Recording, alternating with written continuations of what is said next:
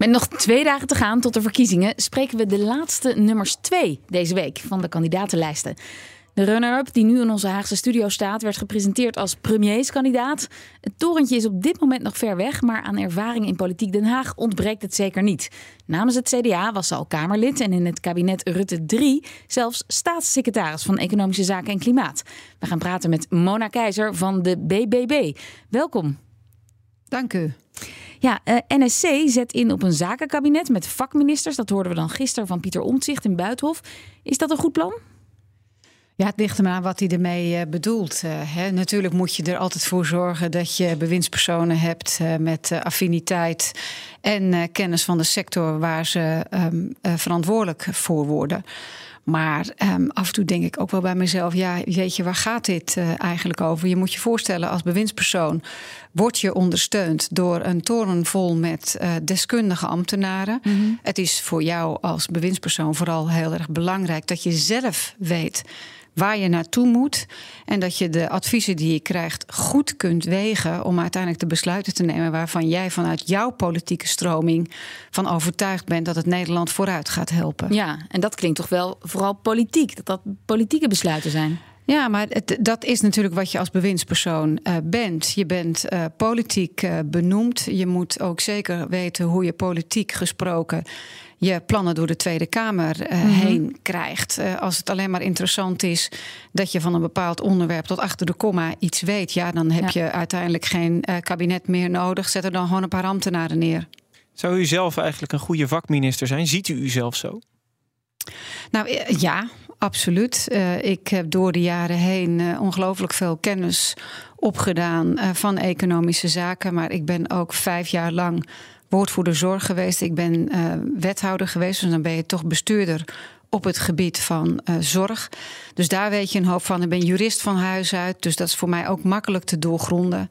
Tegelijkertijd, je moet jezelf voorstellen dat toen Vert Grapperhaus minister van Justitie werd, um, toen zou je, had je kunnen zeggen, nou dat is iemand die een vakminister is. Tegelijkertijd was hij vooral deskundig op het gebied van arbeidsrecht.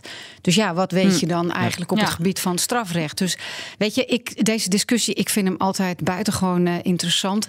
Tegelijkertijd, alle mensen die nu naar ons zitten te luisteren, zijn vooral heel benieuwd wat wij gaan doen. Uh, bijvoorbeeld met het uh, ervoor te zorgen dat er weer voldoende huur- en koopwoningen ja. komen die uh, mensen kunnen betalen. Nou, dat lijkt me helemaal interessant. Dank voor het bruggetje. Uh, bij u staat ook uh, politiek verslaggever Leendert Beekman. Leendert. Goedemiddag. Hey, Lisbeth. Ja, nog heel even over dat zaken. Uh, uh, ja, dan ga ik dat wel heel kort houden. Ja, dat ga ik zeker doen. We moeten snel door naar de woningmarkt. Maar hoor je daar meer partijen over? Nou, ik ben even in de geschiedenis gedoken. Ik vond een boekje van Pim Fortuyn uit 1994 met de titel Het zaakkabinet Fortuyn. Hij heeft dat wel eens genoemd, uh, maar dat was geen speerpunt in de, in de verkiezingsstrijd. Ook Thierry Baudet heeft het wel eens genoemd. Maar het is toch wel omzicht die nu voor het eerst zegt: hey, midden in de verkiezingen, dit is voor mij een heel belangrijk punt. Ja, en eerlijk gezegd, eerder heb ik het nog niet gehoord. En, ja, en wat is dan een vakminister? Denk aan uh, Robert Dijkgraaf of Ernst Kuipers. Dat waren toch mensen die naar Den Haag zijn. En die op hun, op hun vakgebied op dat moment ja. ja voor veel mensen aan de top van hun kunnen stonden. En maar moesten ze toen nog lid worden van een politieke partij? Ja, precies. Ja. Ze moesten nog lid worden. Ja, en wij, nou, realiseer je ook, hè, dan ben je als vakminister misschien wel deskundig op uh, de ziekenhuiszorg in jouw specialisme. Maar wat weet je dan in vredesnaam van de ouderenzorg? Dus ja. ach, weet je, ik vind het uh, vooral wat veel interessanter is om aan Pieter om zich te gaan vragen, is wat wil hij nou uiteindelijk inhoudelijk op al die verschillende dossiers waar we um, nou, overstroomd worden door crisissen in de zorg, in de woningbouw. Dat lijkt mij vele malen interessanter. En mevrouw uh, Keizer, u wil een uh, regieakkoord. Laten we het daarover hebben. Wat houdt een regieakkoord in? Wat anders is dan een regeerakkoord? Nou, niet tot achter de komma um, uh, vastleggen uh, ergens uh, rond de kerst dit jaar wat de oplossingen zijn voor de crisis die aankomen. Je weet niet wat er allemaal nog staat te gebeuren. Het lastige is ook dat als jij tot achter de komma opschrijft wat je wil, dan zitten daar ook tegelijkertijd al die um, ja, overtuigingen in. Zoals net, hè, ik hoorde net, ja, um, Hugo de Jonge wil zijn plannen niet aanpassen. Mm. Dan denk ik, ja, dat snap ik, want in het regeerakkoord staat daar daar vast het een en ander over in. Tegelijkertijd, iedereen in de sector roept: doe dit niet. Ehm, het investeringsvermogen vlucht het land uit. Het, uh, mensen die iets te verhuren hebben, stoppen ermee vanwege de regelgeving. Maar aanpassen kan je het niet meer, want je hebt tot achter de komma met elkaar afgesproken wat er gaat hmm. gebeuren. Nou, dat is wat wij dus niet willen. Wat wij bijvoorbeeld op het gebied van volkshuisvesting willen. Zorg voor meer betaalbare huur- en koopwoningen. En dan gaan we vervolgens met uh, de sector en met mensen die er verstand van hebben, kijken hoe je dat voor elkaar krijgt. Ja, want heeft u daar al een idee over? Of nog niet? Hoe dat dan geregeld geregeld worden? Nou, wat je daar uh, bijvoorbeeld uh, niet voor moet doen, is het zo onaantrekkelijk maken voor investeerders dat ze hun geld vervolgens ergens anders insteken. Dat zit bijvoorbeeld in de hele fiscale regeling van het leegwaarderatio in box 3, zoals dat heet. Dat leidt ertoe dat als jij een woning hebt, dat het uh, verhuren daarvan zo weinig opbrengt dat het niet meer in verhouding staat tot de belasting die je moet betalen. De wet die vorige week in de Eerste Kamer helaas is vastgesteld, gaat ertoe leiden dat um, veel mensen hun vrijstaande tuinhuisjes, uh, etages en vrije kamers niet meer willen verhuren, omdat ze bang zijn dat ze nooit meer van een verhuurder afkomen. Het mhm. gaat om tijdelijk huurcontract. Het gaat om tijdelijk huurcontract. Dat is wat je nu trouwens al van makelaars hoort. Dat uh, de mensen die hij hadden, die wilden verhuren, nu zeggen: ho, ho, wacht eens even, we willen dit niet meer, we gaan verkopen. Nou, wat je dan, dan in de verkoop ziet, dat nou, de gemiddelde koopprijs van een koopwoning is 4 ton. Nou, welke starter, zelfs met z'n tweeën, kan zich dat nog ver, veroorloven? Dus dat zijn van die zaken die echt anders moeten, willen we ervoor gaan zorgen dat jonge mensen weer een kans maken om een gezin te starten. Want boven op de zolder bij je ouders um, werkt dat niet echt. Nee, Leendert. Uh, de Raad van State heeft dus ook kritiek op het plan van Hugo de Jonge. Waar, waar, waar richt die kritiek zich precies op? Nou, wat Hugo de Jonge wil doen is de middenhuur reguleren. En het komt er eigenlijk op neer dat het puntenstelsel wordt uitgebreid. Uh, en uh, bijna alle huurwoningen vallen dus dan onder dat puntenstelsel... waarbij je een maximale huur kan vragen. Ja, en de Raad van State zegt... ja, hiermee wordt het probleem niet opgelost. Want wat is nou eigenlijk het probleem? Het probleem is een tekort aan huizen. En daarbij, zoals mevrouw Keizer ook al zei van de BBB...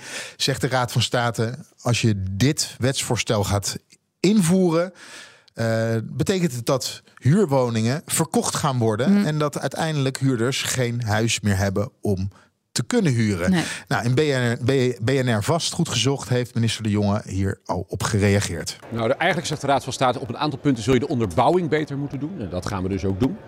Uh, maar die regulering van de middenhuur is echt noodzakelijk. Als je de kant wilt kiezen van de huurder, van huurders met een middeninkomen, en dat willen alle politieke partijen, dan zul je de middenhuur moeten, je iets moeten doen. Ja, mevrouw Keizer, hij klinkt overtuigd. Hij kiest voor de huurder, zegt hij.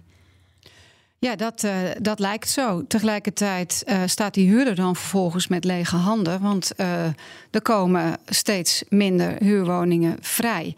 Dat is precies ook wat in ehm, de sector doorklinkt. Dat is nu ook wat de Raad van State zegt. Dus ik zou willen zeggen, nou, denk hier toch nog maar eens heel even heel goed over na.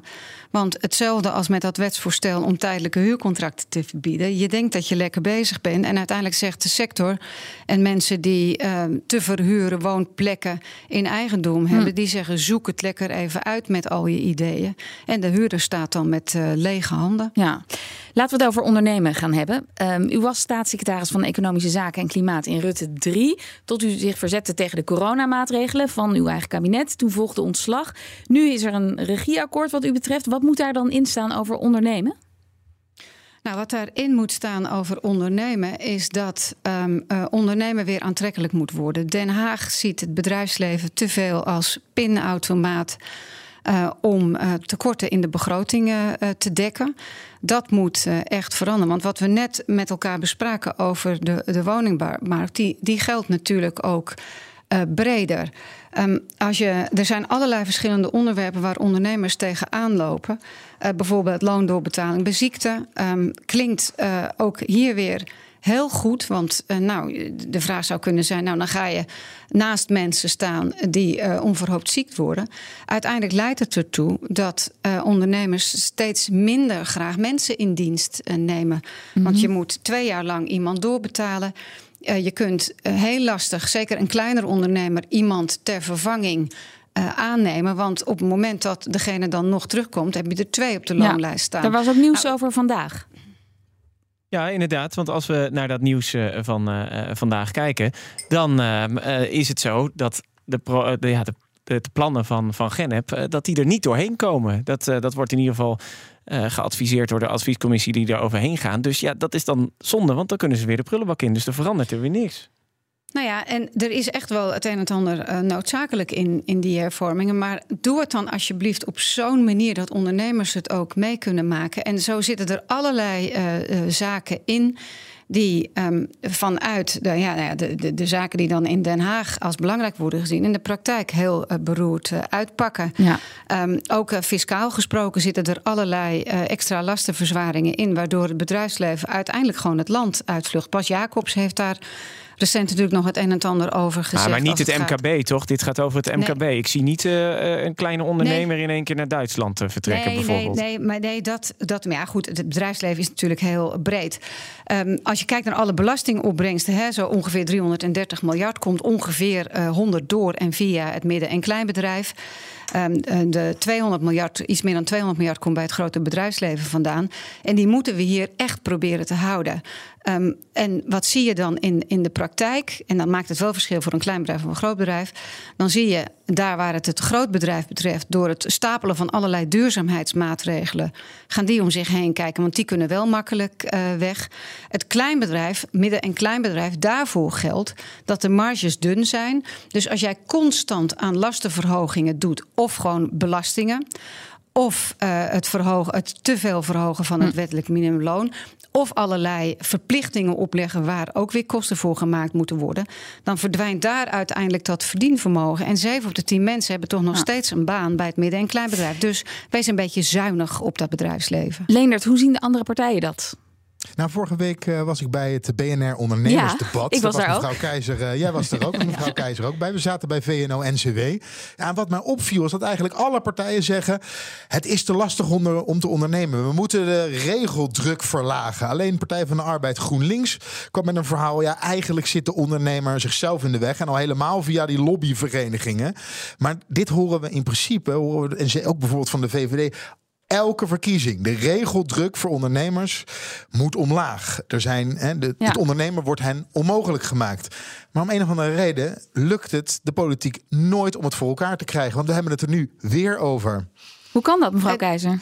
Nou, omdat we moeten stoppen met erover te praten. Ik ben zelf verantwoordelijk geweest voor de regeldruk voor bedrijfsleven, maar feitelijk ging ik er niet over als op het ministerie van Justitie of VWS er weer een extra regel bovenop gegooid werd. Vanwege welke reden dan uh, ook.